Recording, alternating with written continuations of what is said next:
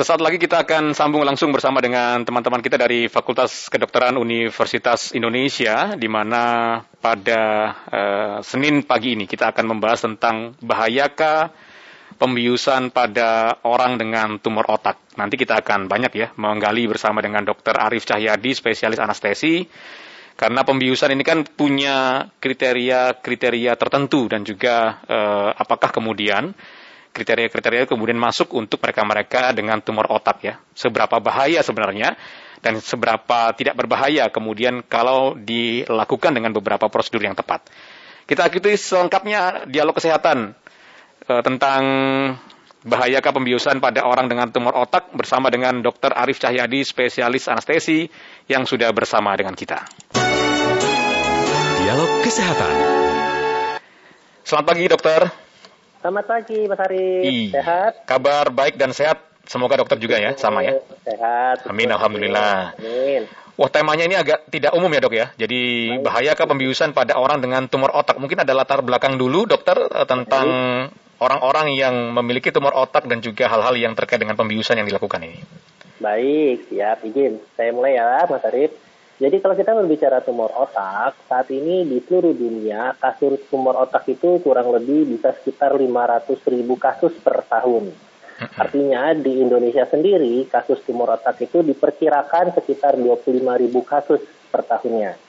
Nah, jadi ini memang kasus yang cukup banyak ya secara uh, dunia gitu ya. Kalau kita bandingkan bahwa tumor otak ini sendiri juga bisa memberikan gejala yang cukup mengganggu mulai yang paling ringan dari sakit kepala yang berulang disertai dengan muntah Uh, bahkan juga bisa sampai gangguan koordinasi, gangguan gerak, bahkan bisa sampai kehilangan penglihatan, penciuman. Jadi indera-indera kita itu bisa terganggu, Mas Arif. Hmm. Nah, dari sini kita bisa melihat bahwa tumor otak ini akan sangat mengganggu kualitas hidup dari pasien. Yeah. Nah, kalau kita berbicara tumor otak ini, sebabnya bisa dua. Bisa dari sel otaknya itu sendiri, jadi sel otaknya yang berubah menjadi keganasan, gitu ya, atau bisa juga dari luar, hmm. jadi dari keganasan atau tumor di tempat lain. Nah, tapi sama saja seperti di tempat lain, tumor otak itu bisa ada dua, bisa ada yang ganas, bisa ada yang jinak. Nah, kalau kita berbicara tumor otak ini sendiri, memang penanganannya masih ada beberapa uh, cara yang bisa kita lakukan. Pertama, mulai dari uh, radiasi, kemoterapi, atau bisa juga dengan operasi. Nah, kalau untuk operasinya sendiri, tekniknya sekarang sudah sangat berkembang sekali. Jadi kita mulai dengan operasi yang memang kita buka kepalanya, atau kita bisa juga pakai gamma knife jadi kita menggunakan uh, kayak m apa ya uh, sinar gamma gitu ya radiasi tapi dia uh, spesifik ke satu titik tertentu jadi dia uh, kayak memotong tapi uh, memotong tanpa tanpa luka tentunya di sini hmm. nah juga kita bisa melakukan dengan kemoterapi dan radiasi tadi yang seperti saya sampaikan di awal Nah, memang jadi dengan perkembangan yang tumor otak yang apa uh, teknik uh, operasi di tumor otak yang makin canggih ini, sekarang pun teknik pembiusannya sudah berubah juga ikut mengikuti gitu ya dengan teknik operasi yang makin canggih. Bahkan kita bisa melakukan operasi tumor otak dengan pasiennya sadar. Oh. Gitu ya namanya awake craniotomy gitu ya. Jadi untuk pasien-pasien yang uh, tumor otaknya itu letaknya di dekat daerah-daerah yang krusial, misalnya pusat bicara, pusat memori gitu ya. Kita bisa melakukan ini dengan uh, kondisi uh, pasiennya sadar, tapi tentunya tidak merasakan sakit. Tapi memang untuk kasus seperti ini perlu persiapan yang cukup uh, rumit tentunya ya dengan uh, uh, apa ya uh, perlu persiapan yang sangat matang. Mm -hmm. Nah, tapi untuk komplikasinya sendiri secara saat ini gitu ya, keberhasilan angka keberhasilan operasi tumor otak itu sudah cukup bagus juga. Uh, gitu ya, jadi tidak seperti zaman dulu yang, aduh kalau operasi tumor otak itu nanti bisa nggak bangun, ya resiko itu tetap ada, tapi saat ini sudah sangat berkurang sekali. Ya. Begitu mungkin ya pendahuluannya Mas Arif. Oke. Okay.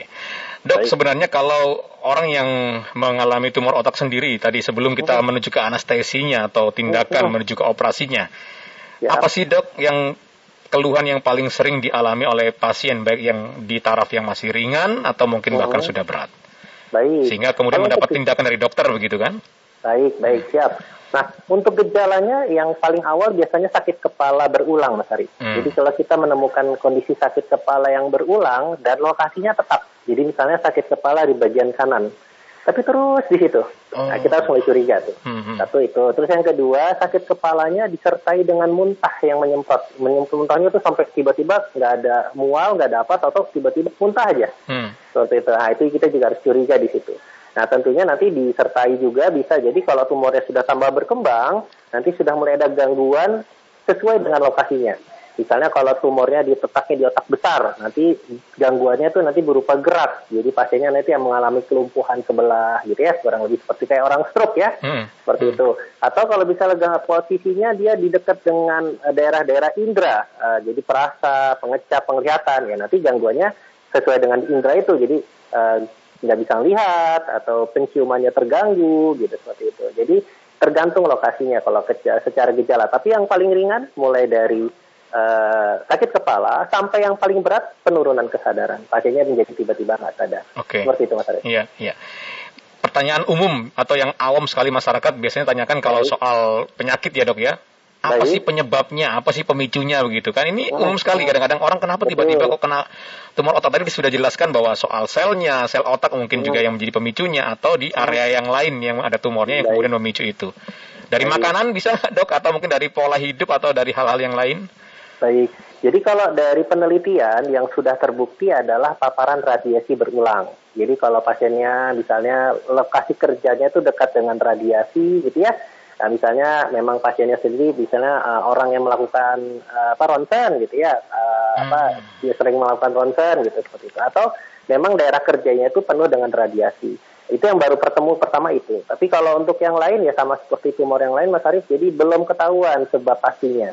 Cuman ada dua faktor yang kita anggap sebagai pemicu. Yang pertama tadi ya uh, uh, paparan radiasi berulang, sama yang kedua kalau dari keluarganya ada keturunan. Gitu. Hmm. Jadi memang faktor risikonya kalau memang sudah ada uh, keluarga yang pernah kena tumor, biasanya risiko kena tumor lagi lebih besar. Hmm. Begitu Mas Oke. Okay. Sambil kita uh, ngobrol ya dok ya. Mungkin Baik, kita ya, undang pendengar boleh ya supaya boleh, bisa ada pertanyaan-pertanyaan juga yang muncul dari pendengar. Kami ya. siapkan dua line telepon supaya bisa ikut gabung di 0213844545 dan 0213866712. Silakan untuk pendengar yang ingin bergabung dengan narasumber kami ya, Dr. Arif Cahyadi spesialis anestesi dari Departemen Anestesi Fakultas Kedokteran Universitas Indonesia. Langsung saja gabung ya kita ulas. Mungkin ada keluhan-keluhan yang pernah Anda rasakan soal pusing tadi, pusing yang berulang, kemudian tanpa ada tanda-tanda mual tiba-tiba langsung muntah ya. Anda bisa tanya atau bahkan sudah ada yang mengalami ya kami harapkan juga bisa konsultasi supaya ada solusi yang lebih baik ya. Manfaatkan 021 384 4545 dan 021 386 6712. Ini memang spesifik sekali ya tema yang kita bahas pada pagi ini. Nah ini dokter, kalau bicara tentang tindakan, apakah memang orang yang memiliki atau orang dengan tumor otak itu tiba-tiba memang harus langsung ditindak, misalnya dengan operasi tadi, yang kita bahas ini kan pembiusan, pembedahan, begitu. Apakah langsung begitu, ataukah ada step-stepnya sebelum itu? Tapi sebelum dijawab, ada Bu Rati dulu dari Jogja, mungkin ada pertanyaan ini kita angkat. Selamat pagi Bu Rati. Pagi Mas Arif, pagi Dokter Arif. Iya. Pagi Bu Rati. Iya, uh, uh, itu yang nyeri kepalanya itu modelnya gimana ya dok? Cekot-cekot hmm. atau dia kalau dikasih paracetamol berhenti terus mulai lagi hmm. uh, uh, permanen terus-terusan atau gimana? Atau tingkat nyerinya tuh seperti apa gitu? Cekot-cekot atau cuma klieng-klieng atau gimana? Hmm. Satu itu yang kedua. Uh, uh, kalau misalnya uh, sekarang kan pemakaian laptop luar biasa ya HP. Oh. Apakah sinar itu juga berpengaruh ya kepada misalnya uh, bukan masalah tumor ya kali ya untuk ketegangan di mata sehingga menyebabkan ada tumor atau gimana ini? Terima kasih Dokter Ari, Mas Ari selamat pagi. Iya, terima kasih Bu Rati dari Jogja. Sebelum ditanggapi dokter, tahan dulu. Ada Pak Bagio di Jakarta. Selamat pagi Pak Bagio. Halo, selamat pagi. Assalamualaikum. Waalaikumsalam Pak Bagio. Salam sehat, Pak Dokter. Iya, silakan. Enggak, enggak ini ya mau tanya, apakah orang yang sering nganter ke rumah sakit yang sedang radiasi itu bisa kepapar kanker otak apa ya? Hmm. Baik. Ya. Itu aja. Terima Baik. kasih. Terima kasih, Pak Bagio. Bu Rati dulu nih. Model Baik. pusingnya atau model cekot-cekotnya? Apa ada yang spesifik dokter ini? Baik.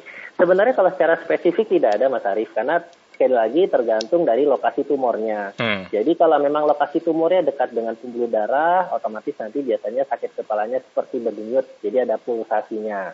Tapi kalau lokasi sakit kepalanya dia menimbulkan tekanan ke seluruh kepala, nanti kepalanya rasanya seperti berat. seperti itu. Jadi kalau secara jenis sakit kepalanya tidak ada yang spesifik, bisa apa saja, mulai dari sakit kepala yang berat, berdenyut, atau rasa kepala sakit yang tajam seperti itu, atau rasa seperti eh, sakit kepalanya tuh muter juga bisa.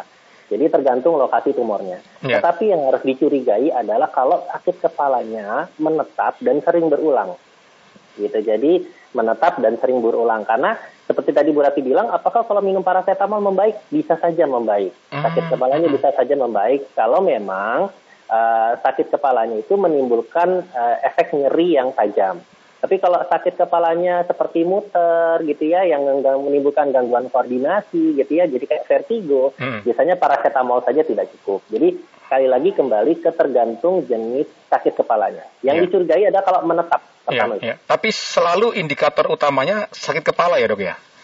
Kalau Eh, misalnya tadi ada mata yang agak buram atau kabur gitu. Bisa, bisa, bisa. Jadi dia selalu sakit kepala. Bisa saja langsung munculnya adalah pandangan yang lama-lama tambah kabur, tambah kabur. Mhm. Itu juga bisa, Mhm. gitu. Makanya intinya kalau ada sebuah keluhan yang menetap, gitu, itu kita harus curiga, Mas Ari. Ya. Kalau kalau sakit apa sakit kepala kah, pandangannya kabur kah, atau gangguan keseimbangan kah, nah itu harus dicurigai kalau menetap. Oke. Iya. Baik. Pak Bagio, yang selalu mengantarkan orang atau eh, anggota keluarga yang radiasi, apakah juga ikut terpapar dan berpotensi? Baik. Uh, kalau itu sebenarnya gini, uh, secara protokol di rumah sakit untuk radiasi itu kita punya barrier ya, Mas Arif. Jadi di dinding, di pintu itu kita punya uh, apa barrier penahan radiasi agar tidak keluar. Jadi kalau pengantar selama tidak masuk ke dalam ruangan radiasi itu harusnya aman. Hmm. Even bahkan kalau dia berdiri di depan pintunya.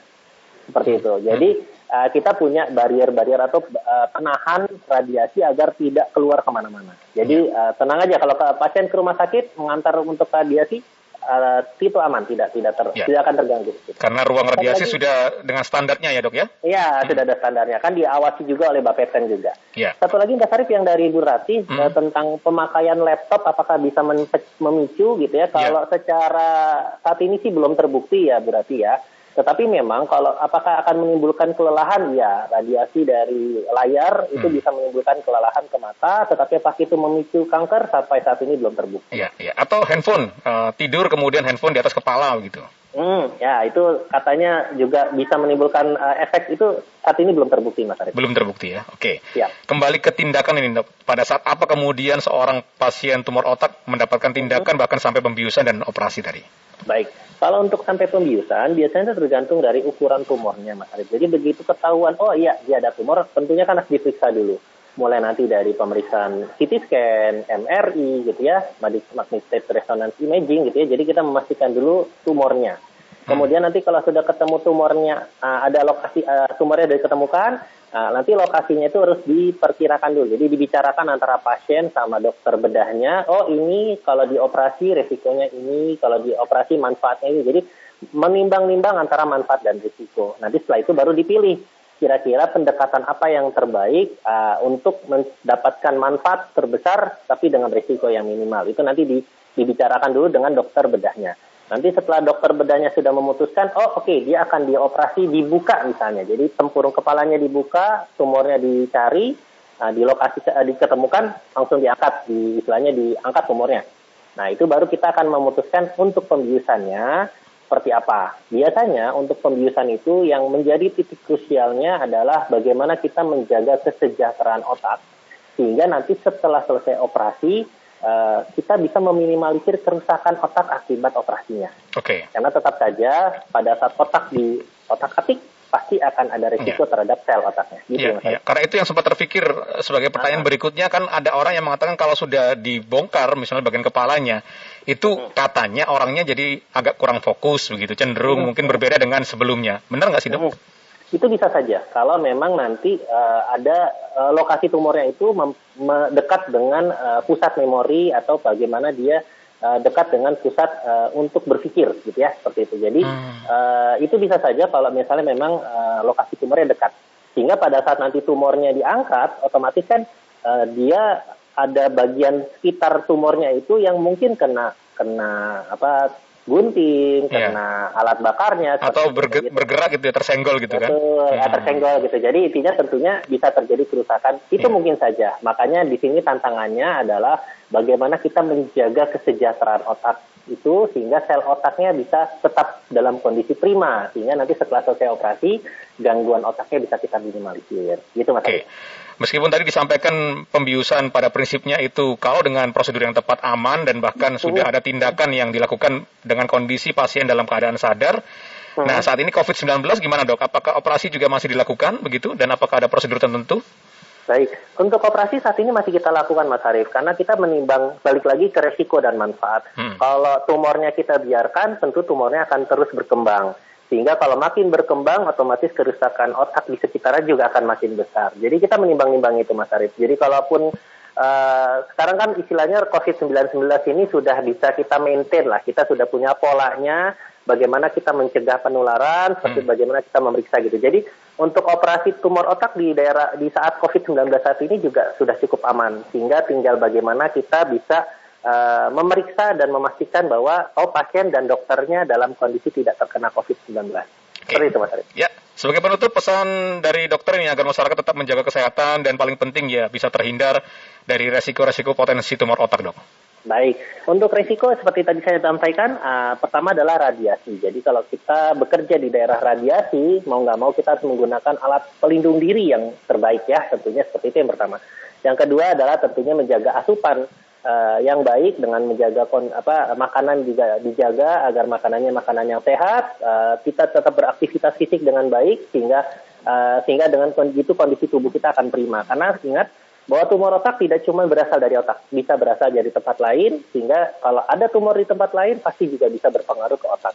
Itu ya Mas Arief. Dan yang kedua adalah kalau memang memiliki keluhan di daerah kepala, jangan ditunda-tunda. Segera ketemu temui dokter terdekat sehingga bisa kita pastikan bahwa ini atau memang tumor otak atau tidak. Kalau memang tumor otak, kalau memang diketemukan secara dini, otomatis uh, hasilnya bisa lebih baik kalau memang dia masih dini ketemunya seperti ya, itu. Oke. Okay. Baik. Perhatikan tanda-tanda awalnya ya dok ya. Sering ya, pusing betul, di tempat yang ah, sama, kemudian sama, betul. itu berlangsung terus-menerus dan kemudian ah. ada potensi muntah tanpa ada tanda-tanda mual. Ini langsung Baik. bisa diperiksakan ke dokter agar bisa lebih cepat ditangani. Betul. Baik, terima kasih banyak Dokter Arif Cahyadi, spesialis anestesi. Sehat selalu. Sama-sama, sehat-sehat juga Mas Arif. Terima ya. kasih banyak. Selamat pagi. Waalaikumsalam warahmatullahi wabarakatuh. Dokter Arif Cahyadi, spesialis anestesi dari Departemen Anestesi. Ini Fakultas Kedokteran UI ya. Pengetahuannya luar biasa sekali. Yang paling penting adalah tanda-tanda awalnya. Kalau ada yang sering pusing di area yang sama berkali-kali ya, kemudian bisa diiringi dengan muntah maka Anda harus segera memeriksakan diri ke dokter karena ini salah satu ciri yang muncul bagi penderita tumor otak. Dialog Kesehatan